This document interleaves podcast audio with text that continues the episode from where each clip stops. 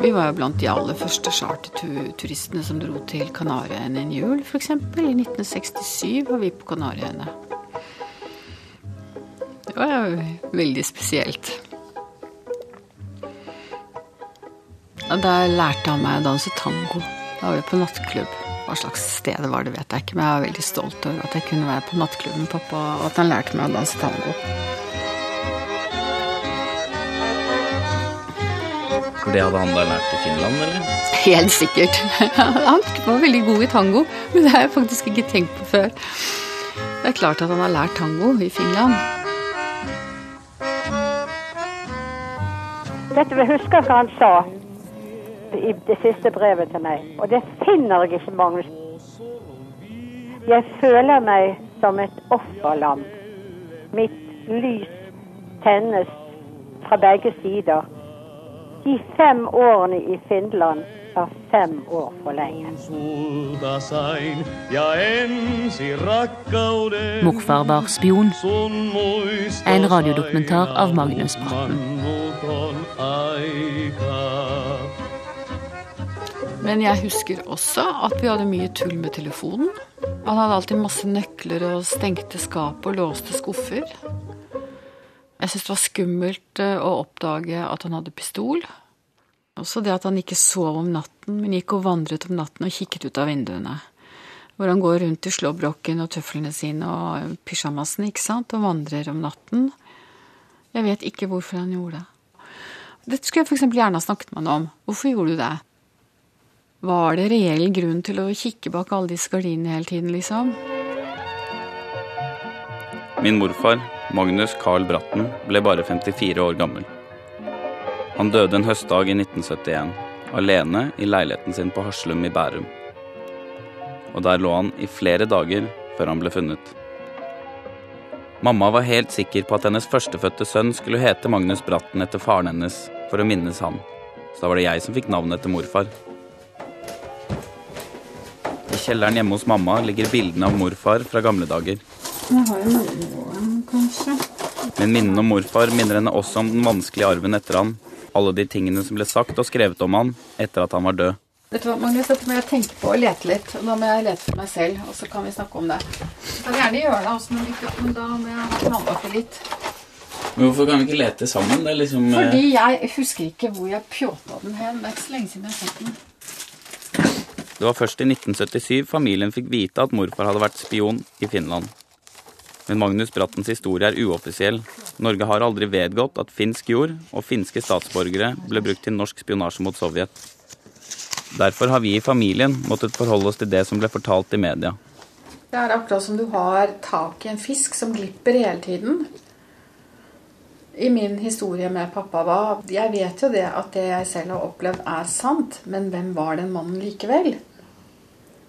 Og det tror jeg er der motstanden ligger, som gjør at jeg syns det er vanskelig. Som 17-åring måtte mamma gi fra seg morfars egne notater om tiden i Finland pga. rikets sikkerhet. Jeg angrer jo veldig på at ikke jeg tok vare på de papirene. Fordi der hadde han jo mange ting han hadde skrevet selv. Og der hadde jeg nok fått kanskje svar på det jeg driver og, og lurer på. Med avisartikkelen om finlandsspionasjen i 1977 kom også spekulasjonene. Hvordan døde morfar? Så mange sånne jobbebilder, da. har jeg aldri hatt. Men hvis vi skal gå ut i kjelleren eh, og se om jeg finner de gamle fotoene Jeg lurer på hva jeg gjorde av de. Men Jeg bare tenker meg, for jeg husker ikke helt hva jeg har gjort. Det kommer ikke akkurat som en bombe. Ikke så senil, men jeg har jo flytta noen ganger. Nei, det er ikke her. Jeg, nå, jeg lette veldig grundig ute der ute. Det orker jeg ikke gjøre nå, Magnus. Nei. Vi får ta det en dag det ikke er så jævlig kaldt. Jeg er sånn frossen. Tidlig på 50-tallet organiserte norsk etterretningstjeneste operasjoner inn i Sovjetunionen, fra finsk jord og med finske agenter. At Norge brukte finske fotsoldater kunne være farlig for Finland, som nylig hadde undertegnet en fredsavtale med Sovjetunionen etter vinterkrigen. I fem år var det Magnus Bratten som var den norske spionsjefen i Finland. Vi snakket jo med tante Tutti på torsdag. Mm. Hun har sikkert sagt det til deg før. Men da sa hun noe sånt som at eh, han hadde skrevet et brev til henne helt Leta de siste brevene. Til henne så hadde han skrevet noe sånn at jeg føler meg som et offerlam. Mitt lys brenner i begge ender. De fem årene i Finland var fem år for mye. Mm. Ikke sant? Og det er jo hele sviket.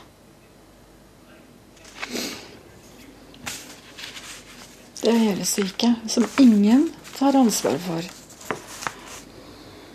Hva det besto i, det vet vi jo ikke. Det skulle jeg gjerne ha visst. Vi skulle ha hatt flere år sammen. Er Etter annen verdenskrig var det mange i Norge som fryktet at vi igjen skulle bli invadert av en fremmed makt. Og det var Sovjet i øst vi fryktet som aller mest. Morfar hadde vært aktiv i motstandsbevegelsen under krigen, og når freden kom, fikk han jobb i LO. Etter fem år i LO fikk han ganske uventa jobb på legasjonen i Finland. Helt uten diplomatisk utdannelse eller bakgrunn. En av de norske spionene som jobbet med Magnus Bratten, har gått med på å møte meg på en bestemt kafé langs E18 på Østlandet. Kafeen ligger i bånn av en slak bakke ved siden av en blå og oransje bensinstasjon. Jeg har fått beskjed om å se etter en mann i blå vindjakke og caps som skal sitte til venstre for inngangsdøra. Han vil være anonym. Vær så god. Takk, takk. Kodenavn Harry er redd opptaksutstyret skal vekke oppsikt på kafeen. Bare si V18 på Østlandet. Det kan du godt si. Men ikke si navnet mitt. Derfor drar vi hjem til han. Men det som myndighetene var så interessert i, det var hva som foregikk i Russland, og, og da særlig grensetraktene til Finland. Magnus Bratten skal ifølge avisartikler og bøker ha lokket eventyrlystne finske fotsoldater til oppdrag inne i Sovjet. Harry hadde vært med i vinterkrigen og kom nært på geriljamentaliteten til de finske soldatene. Han ene, han, eh, han eh, som da endte livet sitt i Som da ble boende i Amerika og ble ansatt i den amerikanske hæren, så, så han var nok en tøffing. Han drev jo bare med å gå bak russiske linjene og herjet og koste seg der i krigen og likte å skyte folk. Og. Så han var veldig, veldig spesiell, men veldig hyggelig type. Veldig hyggelig fyr, men en tøffing. Nei, det var jo fagfolk på det her området, så de visste jo hva de dreiv med. og og hadde gjort det mange ganger før, så det her var jo ikke noe nytt. Det eneste nye var at det her var i fredstid, og, så det var jo litt andre forhold. Det ble jo hovedorganisert fra, fra Norge sammen med finske kontaktfolk. Så det ble jo organisert herifra med CIA-penger. Det var jo CIA som betalte og finansierte det hele. Ville du gjort det om igjen hvis du hadde fått valget nå på nytt? Nei, med tanke på uh, hvis man skulle ha vært realistisk og tenkt mer på familien. Men skjønner du, jeg kom jo inn i det her. De kommer jo ikke å Du blir jo headhunta. Og så det forteller de jo ikke noe, noe i det hele tatt. Uten, uten mer eller mindre så sier de til din arbeidsgiver at du, nå slutter han denne fyren om fem minutter. Jeg tar ham med meg. Og sånn var det jo mer eller mindre.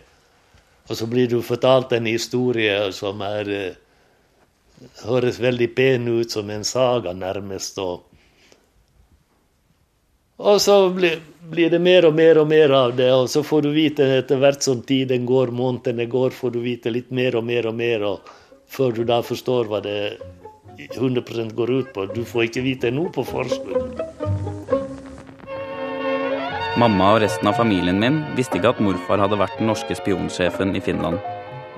Det var lite de visste om tiden hans i Helsinki, bortsett fra at det var der han traff moren til mamma, finske Ellen. Negative? Åh, Sterkt.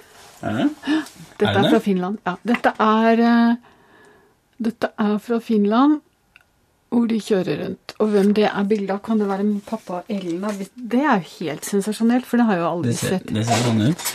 Det har jeg aldri sett. Hun fortalte meg jo at de var mye på tur i Finland. Det er pappa Ellen. Er det en Citroën, eller? Det kan være. Han traff jo Ellen på tog fra Nord-Finland, hvor han hadde vært, på vei ned til Helsingfors. Pen, ung dame. Ti år yngre enn han. I en mørkeblå drakt. Hun var på vei til Helsingfors for å få seg jobb, så hun begynte å jobbe hos han som hushjelp. Så vet vi jo hvordan det gikk siden jeg er her. Det varte ikke lenge, da. De tror vi var gift bare et år eller to. Ja. Men de ble skilt ved dom. Og eh, jeg vet ikke så mye om den skilsmissen heller. Bortsett fra at eh, hun fikk meg. Og hvorfor de ble skilt ved dom, det vet jeg heller ikke. Men det er jo grunner til det. Så jeg visste jo ikke noe om historien bak hvordan jeg kom til Norge før mamma fortalte det etter at han var død. Mamma bodde hos sin tante og onkel i Bergen og var mye hos morfar i feriene. Hun var 24 år gammel før hun møtte sin mor igjen. Hun hadde 50-årsdag ute på dette et eller annet sted hun hadde leir ute i Södertälje. Det var 19. mai, og det var en strålende vakker sånn Sånn som vårdagene bare kan være i mai av og til, hvor det nesten er sommer, ikke sant? men det er fremdeles vår. Og det var langbord, og det var ute, og det var masse mennesker. Og det var eh, tango og trekkspill og folk som grein og holdt på. Og det var eh, vodka og alt mulig. Og vi var der veldig lenge, og folk forsvant i åkeren, og det var et Ja, det er akkurat sånn som du ser på, eller leser om, på finske filmer, altså. Og i bøker. Og ikke, jeg kunne ikke snakke med noen. De kunne veldig dårlig engelsk, og jeg kunne jo ikke ikke finsk i det hele tatt. Så når jeg sa noen av de få ordene som jeg faktisk kan, som type intelligente ord som maito yamakara, som betyr melk og pølse Yksi kaksi kolme, 1, 2, 3 Altså bare tull. Så ble de helt fra seg av begeistring.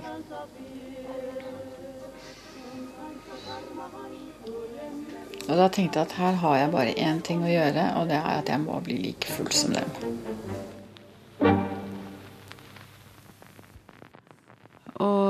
Hun var jo veldig annerledes enn jeg hadde trodd. Jeg skjønte jo ikke i det hele tatt at de to der noen gang kunne ha vært et par. For det var hun bitte liten. Hun var vel 1,50 høy. En knalliten dame. Veldig slank og sånn. Veldig livlig. Men ikke Altså, jeg ville jo trodd at pappa hadde funnet seg en ganske sånn skarp dame, intellektuell dame. Hun var jo ikke der i det hele tatt. Hun var mer sånn i øyeblikket, men etterpå har jeg tenkt at nettopp kanskje derfor. Fordi hun var mer en sånn opptatt av eh, å leve i øyeblikket og lykkelig i det og veldig livsglede, ikke sant. Veldig, masse energi hadde hun. og Hun var jo ikke i stand til å gå langsomt, hun bare gikk alltid fort. Åh, her er det bildet. Det er da jeg kommer fra Finland. Og da blir jeg nesten på grineren. Ser du, pappa? Se hvor glad han er. Det er meg. Jeg har fått nye sko med bjelle på. Kunne høre når jeg gikk. Selv om det var moren til mamma, finske Ellen, som fikk omsorgen etter skilsmissen, har mamma vokst opp i Norge. Hun ble fortalt at det var fordi at morfar hadde mer ressurser til å ta vare på henne. Fordi at eh, pappa fortalte at når han fikk hentet meg fra Finland den gangen, så viste det seg at jeg hadde bodd hos hennes søster og hennes mann og kom i lånte klær. Sånn at de måtte ha med seg barneklær og sånn på flyplassen for å kle meg om. Sånn at hun kunne få ta med seg de klærne jeg hadde lånt tilbake igjen til Finland. ikke sant? I virkeligheten solgte finske Ellen mamma til morfar. Jeg har jo truffet hunden selv en gang, så vidt det var, på et sykehus i Sverige.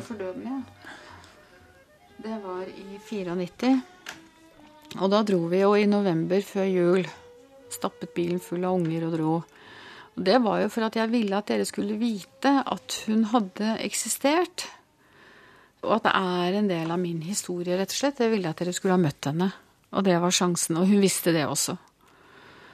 Og da sa hun jo til meg at hun ikke angret på at hun hadde gitt meg fra seg, eller på noe av det hun hadde gjort. Og selv om jeg skjønner henne og er helt enig i det, at det var et lurt valg, så ble jeg veldig såra av at hun sa det. En mor skal ikke si sånt. Skjønner du meg? Selv om det, det var sant, så er det en, en, mor skal altså ikke si sånt. Jeg valgte deg bort, og det er jeg glad for, liksom. Sånn sier man ikke. Uh, så da Jeg dro ikke begravelsen hennes.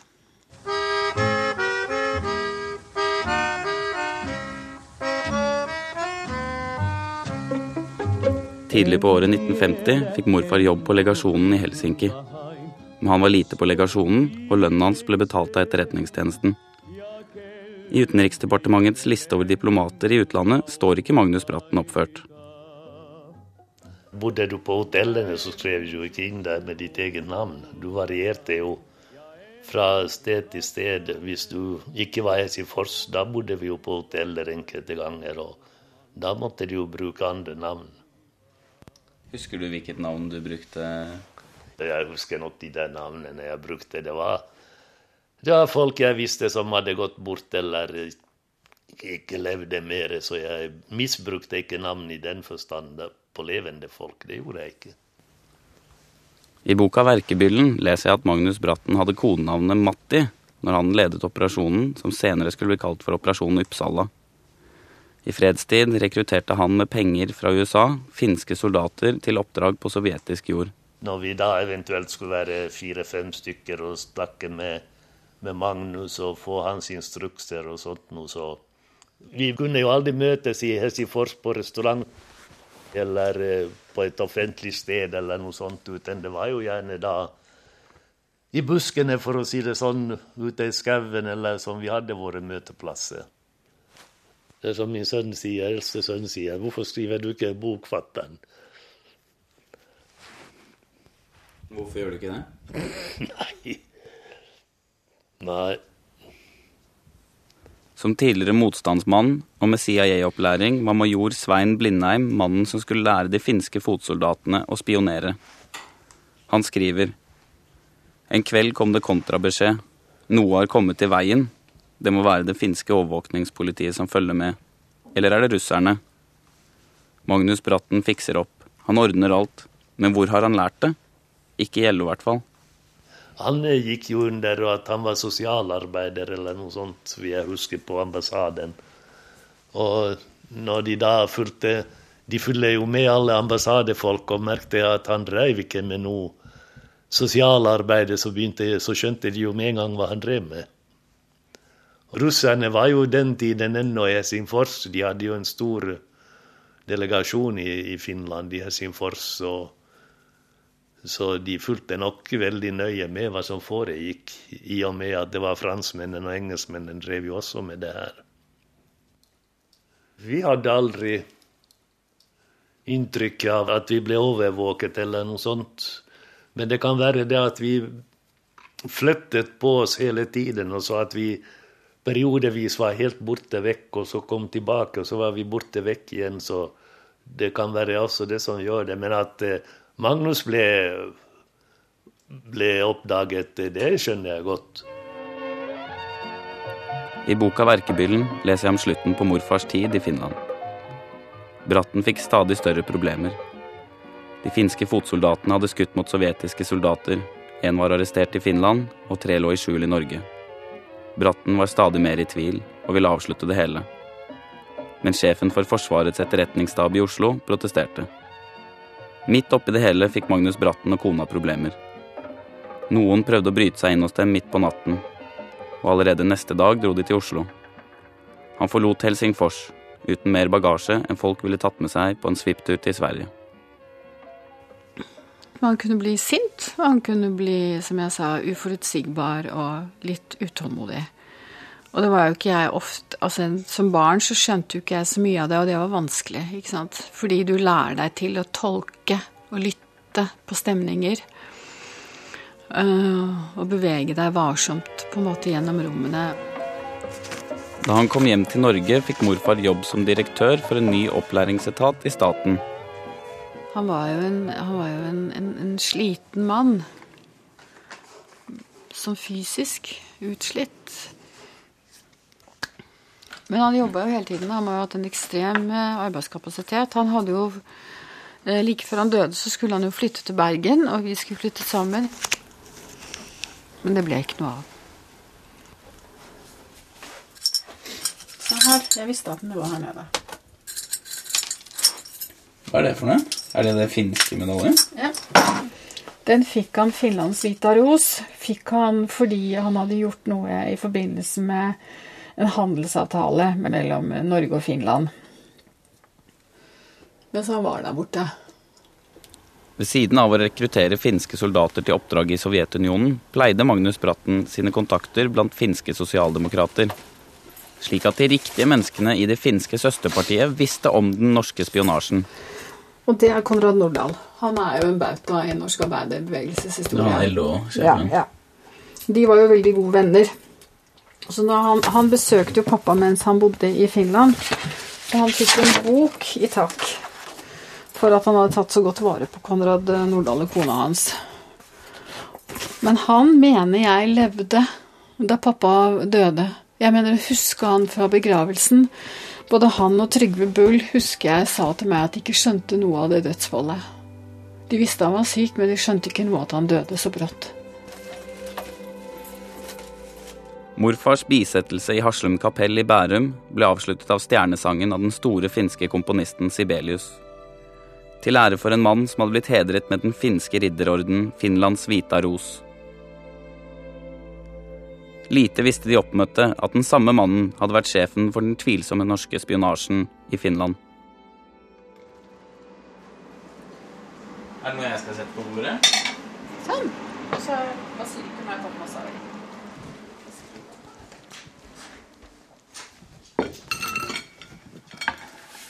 det? Jeg tenkte, det er jo at vi må liksom passe litt på hverandre. Fordi at nå snakker vi om ting som er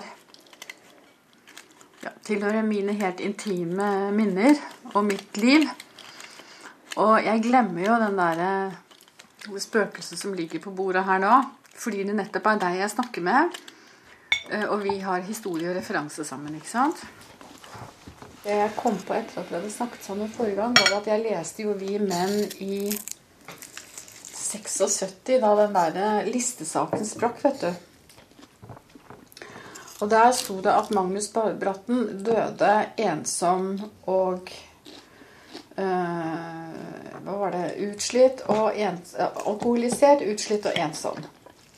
Og det øh, opplevde jeg som veldig noe av det mest forferdelige. For det første så hadde han sluttet helt å drikke. Og han, ja, han var utslitt, men han var jo ikke ensom. Han hadde jo meg. Jeg syns det er et vanskelig stoff, fordi det omhandler eh, min far med deler som er både kjent, blitt kjente etter hvert, men også ukjente for meg. Og jeg føler også en form for ansvar fordi han er død og ikke kan forsvare seg. ikke sant? Man kan ikke forklare selv hva tingene er. Det kan virke for meg som at du er litt redd for at jeg skal pirke borti noe som, som eh, du ikke helt har kontroll på. Jo, for eksempel, hvis vi, sånn som forrige gang jeg snakket om at jeg også har opplevd at pappa har drukket, så opplevde jeg etterpå at det var å gå for langt. Hvorfor det? Fordi det er mine private bilder. At han var alkoholiker? Ja, Det har egentlig ikke noe med, med, han å gjøre. Det har mer med min barndom å gjøre. Et eller annet der som jeg ikke er komfortabel med. Det som er liksom problemstillingen her for meg, mm. det er det at eh, jeg prøver å, å finne ut av eh, hvem denne personen Magnus Bratten var for en fyr. Mm. Så kontakter jeg en mann som var i Finland med han, som har veldig problemer med å, å fortelle meg noe sånn spesielt eh, konkret. Og så eh, kontakter jeg en annen en som ikke vil eh, bruke navnet sitt på radioen, eh, men kan godt fortelle meg altså sånne små drypp om hva de gjorde. Så kontakter jeg en tredje en som, eh, som, vet veldig mye om hva som skjedde, men som nekter egentlig å la seg intervjue, men som kan fortelle meg litt sånn over en kopp kaffe fordi at han har barnebarn selv. Alt dette her, alle legger liksom lokk på det. Og selv du på en måte vil jo legge litt lokk på det. Og så møter man liksom bare sånne vanntette skodd, og det er 60 år siden. Det virker jo, det virker jo liksom nesten for uh, vilt til å være sant. Jeg trekker jo ikke den type grenser. Jeg trekker grenser som går på min helt private sunnhet.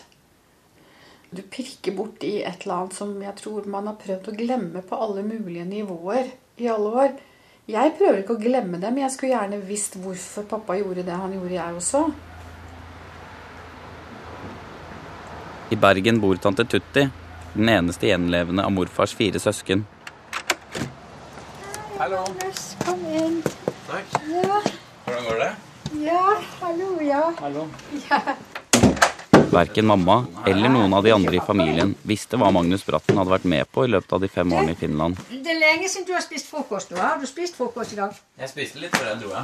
Ja, men du Vil du ha en kopp te eller kaffe nå? Jeg har smurt noen skiver til deg. Å ja. Ja, det vil jeg gjerne ha. Sånn, nå skal du få endelig. Så. Han var blitt redd, redd for sitt liv. For det merket jeg tydelig når jeg bodde der med han. Han var At han da gikk rundt og sjekket alle dører. og Vi fikk ikke gå inn før han hadde gått inn først. Jeg hadde begge barna med meg. Jeg hadde vært den eldste. og Jeg måtte alltid stå utenfor før han kom ut. Og da gikk han rundt huset og inn i huset først. For å se om det lå et eller annet eller noe sånt. Så det at han var nok veldig, veldig, veldig presset, altså. Han var det. Men Spurte du han da hva han var redd for? Jeg spurte, men jeg fikk ikke svar. Dette skal ikke du bry deg med. Og så vet du det der at han skulle liksom ta dette med Tove sin mor, da. Ta henne fra rennesteinen. Og det var jo typisk Magnus òg. Han skulle ta seg av henne og, og gjøre en god gjerning. Kledde hun opp, og min mor og far var så fortvilet. Fordi de, de syntes ikke dette var bra. De pleide nå aldri å si noe, men det at de likte ikke hun. Så reist, tok hun barn og reiste til Finland. Og plutselig en dag så fikk eh, kom det et fly med Tove alene flyet sendt tilbake igjen.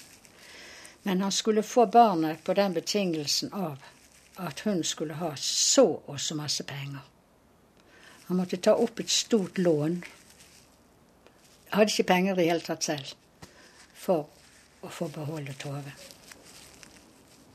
Sommeren 1977 ble finlandsspionasjen kjent i hele landet da nyhetsmagasinet Ny Tid hadde fått tak i en anonym kilde. Det var første gang Magnus Bratten ble omtalt i media som spionsjef. Siden har han dukket opp i flere bøker og biografier om spionasjen han ledet i Finland. Tenk på hvordan vi hadde det den gangen. I hvert fall jeg. Jeg var dypt ulykkelig. Sier de det liksom sånn? Men altså, jeg ville ikke tro det likevel, for jeg, jeg trodde ikke det var riktig. Jeg trodde ikke det var sant. Jeg tror jeg fremdeles ikke det er sant, jeg, altså. Kanskje, men selvfølgelig vet ikke. Vi vet jo ingenting. Vi kan gå for å vite det. Det kan jo gjøre at han har gjort noe galt. Herregud. Men jeg tror ikke på det. Selvfølgelig har han gjort noe galt. Så må vi jo bare finne oss i det. Men jeg tror ikke på det. Jeg sier dette er så mye vi ikke vet.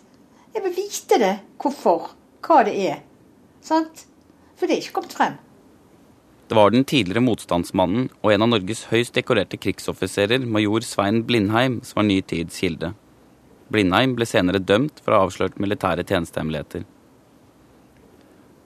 I boka 'Offiser i krig og fred', som kom ut i 1981, etter at Blindheim var dømt for å ha gjort sin dårlige samvittighet offentlig, er Magnus Bratten omtalt. Bratten er den nervøse mannen som er i Finland pga. partitilknytning og vifter om seg med feite lefser med finske mark. Kjøpte Magnus Bratten meg? spør Blindheim. Jeg har lest den boken der, jeg. Jeg, har, jeg husker jeg var inne på en tanke og skrive et brev til Blindheim. Og fortelle at det er en familie, det er en datter her. Og, og, og, og liksom Og det samme ville jeg gjort til han og der Håkon Lie. Det hadde ikke vært så dumt. Og de skulle godt ha fått et sånt brev. Hatt litt å tenke på. Også kodenavn Harry kan huske tiden da bøkene om finlandsspionasjen kom ut. Når siden boken kom, så alt ble åpnet, og da var barna voksne. og Kona måtte jo få en masse forklaringer hvorfor jeg var der og der og der og ikke hjemme, og, og så videre bortover. Så, så det er jo alltid litt synd når uh, sånt som er hemmeligholdt i 50 år, da dukker opp i en bok. Så det var jeg ikke så begeistra for, for å si det ærlig og oppriktig. For det er en type jobb som gjør at man Når du er ferdig med det, så er du ferdig med det. Jeg er helt sikker på at Magnus gjerne skulle ha snakket om det her med en eller annen. Å ja, jeg skulle så gjerne ha hatt en prat med ham, herregud. Det skulle ha vært moro. Men han var vel så dreven innenfor E-tjenesten at han skulle bare ha holdt kjeft og sagt at 'blir du ikke ferdig snart'? Du får ikke vite noe allikevel. da finlandsspionasjen ble kjent på slutten av 70-tallet, kom også spørsmålene. Hvordan døde morfar? Han hadde stått opp om morgenen, men at han sto på kjøkkenet og lagde kjøttkaker i Seljeholte. Og så hadde han da sannsynligvis fått hjerteattakk eh, og blitt dårlig. Så da hadde han klart vært åndsnærværende nok til å skru av platen. Gått og lagt seg på sengen. Og så hadde han dødd rolig og pent der. Mamma var hos sin tante Aslaug i Bergen da morfar døde. Hun sier fortsatt alltid mamma når hun snakker om henne. For det var morfars søster som sto for mesteparten av oppdragelsen. Men mamma, vet du, hun fortalte meg jo en eller annen gang mange år etterpå at det var helt forferdelig syn.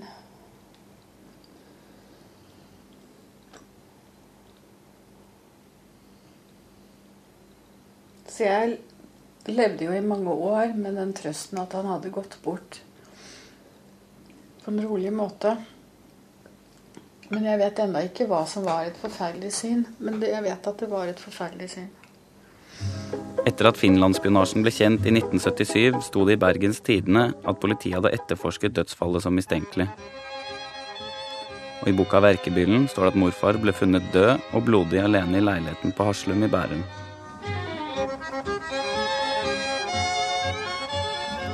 Major Svein Blindheim gikk til pressen i 1977 for å avsløre arbeidet Magnus Bratten ledet i Finland. Et arbeid han mener brøt med både Grunnloven og folkeretten og at norske myndigheter satte finnene i fare ved å spionere på Sovjet fra finsk jord og med finske innleide fotsoldater. I stedet ble han selv dømt. Boka han skrev til sitt forsvar, 'Offiser i krig og fred', har stått og støvet i bokhylla siden mamma fikk den i 1981. Det var gjennom denne jeg fant fram til nå 93 år gamle Svein Blindheim. I omslaget har mamma skrevet 'Jeg husker også disse dagene i juli 77'. Ja, det er du som er Det er meg. ja. Magnus. Magnus. Ja. Akkurat. Kom igjen. Takk. Kom igjen. Jeg snakket med din mamma. Er det vel Torvik. Ja, Hun er din- din mamma, ikke sant? det er min mor, ja. Ja. Hva du vil? Skulle du lage opptak? Jeg tenkte jeg kunne gjøre det. Jeg snakket jo med deg om det på telefonen. Mm. Ja. ja. Så jeg tenkte Men, ja da, du nevnte annet. Du nevnte noe sånt. Men det var jo Syns du det var litt voldsomt? Jeg vet ikke hva, du, hva slags opptak du skal lage. Nei, jeg tenkte jo egentlig bare sånn som vi snakket om på telefonen, da. Snakke om uh, din tid i Finland. Min tid i Finland, ja. Og ditt møte med, med min mors far, altså min morfar. Magnus Bratten, ja. Ja da, jeg husker veldig godt. Jeg husker veldig godt det er den merkeligste opplevelsen i hele mitt liv, det der. Finland.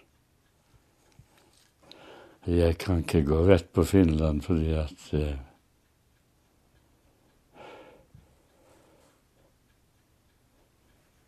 Jeg vet ikke hva jeg skal si. Men har du noen bakgrunn som gjør at du er inne i disse spørsmålene? Ikke noe annet enn at, eh, at jeg interesserer meg for det pga. Av, av familiære årsaker. Det skjønner jeg veldig godt, men når jeg snakker om dette her, så snakker jeg jo om veldig vanskelige ting i norgeshistorien. Jeg mener at dette var et rent bondefang, og, og hele saken mot meg er egentlig helt ulovlig. Men det har ikke din, din morfar noe Han har jeg ikke Han har jeg bare, bare godt å si om. Jeg har ikke noe mot ham. Jeg ble jo sendt til Finland Hele den operasjonen var jo egentlig ulovlig. Kan du, kan du si noe om hva det ulovlige gikk ut på? Det ulovlige var jo at vi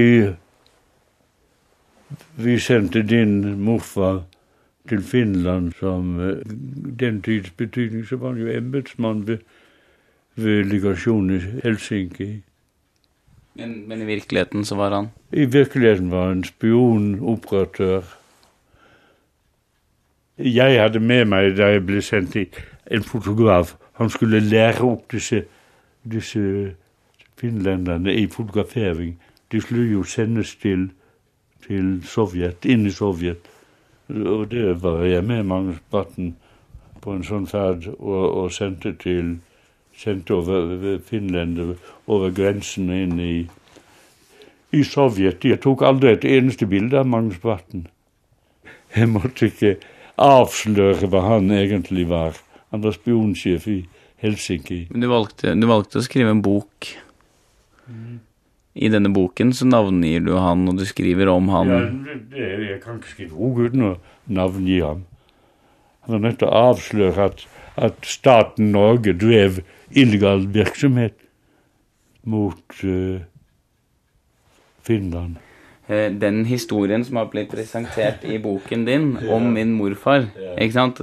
der også nevnes han ved navn som en one, altså right or wrong, one party-type politiker. Og, og, det står mange andre ting om han, og du sier at dette er, er det mest kriminelle og, og, noe av det verste du har vært med på. Og, og da syns jeg at, at, du har skrevet den boken her, så syns jeg at, at, du kan forklare meg litt hva det går ut på. For jeg sitter og leser den Det kan ikke forklares. Men på en måte den, historis, den, historiske konteksten, den har jeg på en måte Den vet jeg ganske mye om fra før av. Så det jeg er interessert i, er på en måte de konkrete de konkrete tingene dere gjorde der, som, som Altså, du skriver jo om at du følte at han bestakk deg med penger, og du Nei, han bestakk meg ikke med penger. Nei, men at du lot deg korrumpere, setter du spørsmålstegn ved? Han tok, han tok oss jo ut på restauranter veldig mange ganger. Han hadde veldig Vi fleipet mye med hvor godt han var, kjent i fine restauranter i sentrum av Helsingfors. Tok og spiste middag og, så på Ja, det var mange sånne mannekengoppvisninger, litt av hvert sånn. Han hadde, hadde, var veldig flink å få uh, oppmerksomhet. Han uh, viftet med, med, noen sedler, og så, så kom de flyende med en gang. Han kjente uh, sånne servitriser. Når jeg ringte deg, ja. hva tenkte du da? Man tenker jo sine verste tanker. Jeg har jo vært veldig mye angrepet i, i mitt liv. Jeg har aldri hatt en negativ tanke om, om uh, din bestefar.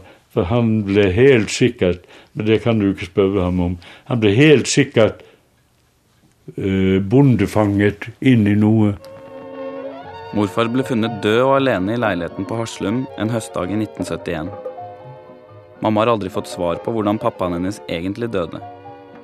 Hun har forholdt seg til historier og spekulasjoner i familien og pressen. Dette har jo vært et slags uh, vanskelig sår for meg. Som så mye annet i morfars historie er politirapporten fra dødsfallet unntatt offentligheten. Men fordi at dødsfallet har blitt omtalt som mistenkelig i presse og bøker, har Statsarkivet i Oslo gitt meg som etterlatt etter morfar tilgang til politirapporten. Alle disse hullene her dette er et veldig godt eksempel på hvorfor dette er vanskelig for meg. Fordi det er ubearbeida ting. Det ligger liksom bare her. For første gang kan mamma selv lese hva som egentlig skjedde.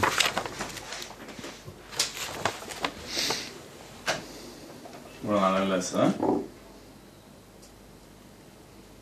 Jeg ser det jo for meg. Dette stemmer jo helt med den versjonen jeg fikk først også. Så det er veldig fint. Be beskrivelsen hvordan han lå og sånn. Men jeg ser ham for meg, hvordan han var kledd, og hvordan Jeg vet akkurat også hvordan sengen var.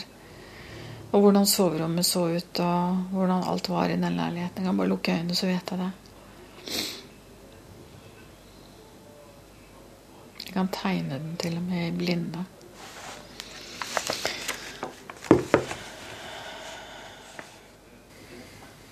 Altså, han er ikke obdusert? Han er ikke det heller. Nettopp. Han ble ikke, det, ikke skåret i. Nei. Nei. I politirapporten står det at endelig dødsårsak er uviss. Men det var ingen tegn til at noe kriminelt hadde skjedd. Det antas at han døde av hjerteinfarkt. Det er både vondt og godt å lese det, og så får jeg jo vite nå hva, altså hva som er, hva som er. Mm. De hadde jo en sånn idé om at de skulle skjerme meg òg, da, vet du. Og jeg er ikke sikker på det. Jeg har alltid tenkt at Jeg har alltid vært laga sånn at for meg er fantasien mye verre enn virkeligheten. Virkeligheten kan jeg alltid håndtere. Jeg er jo en ganske robust dame. Men fantasi tåler jeg ikke. Det at jeg skal sitte og spekulere og lure på ting, jeg blir helt ødelagt av det. Si meg heller hvordan helvete er, så kan jeg liksom ordne opp i det på et vis. Og det er litt sånn der også at når jeg leser det, så får jeg jo liksom noen brikker på plass, og får noen ting på plass. Det er en helt objektiv beskrivelse her. Det er ingen eh, som forsøker å skjerme seg. Det er ingenting som er filtrert av historien eller hva man ønsker ikke, og osv. Men det er ganske Dette med dødsdatoen er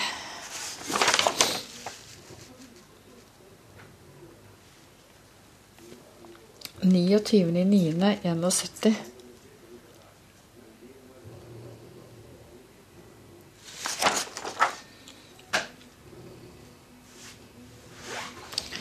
Mamma mente jo at han var død den 28., da.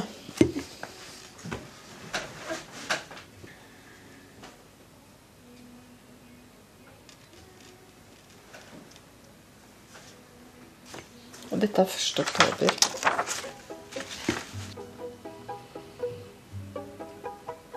Hvordan er det å se navnet sitt der, da? Magnus Thorvald Bratten. Magnus Carl Bratten.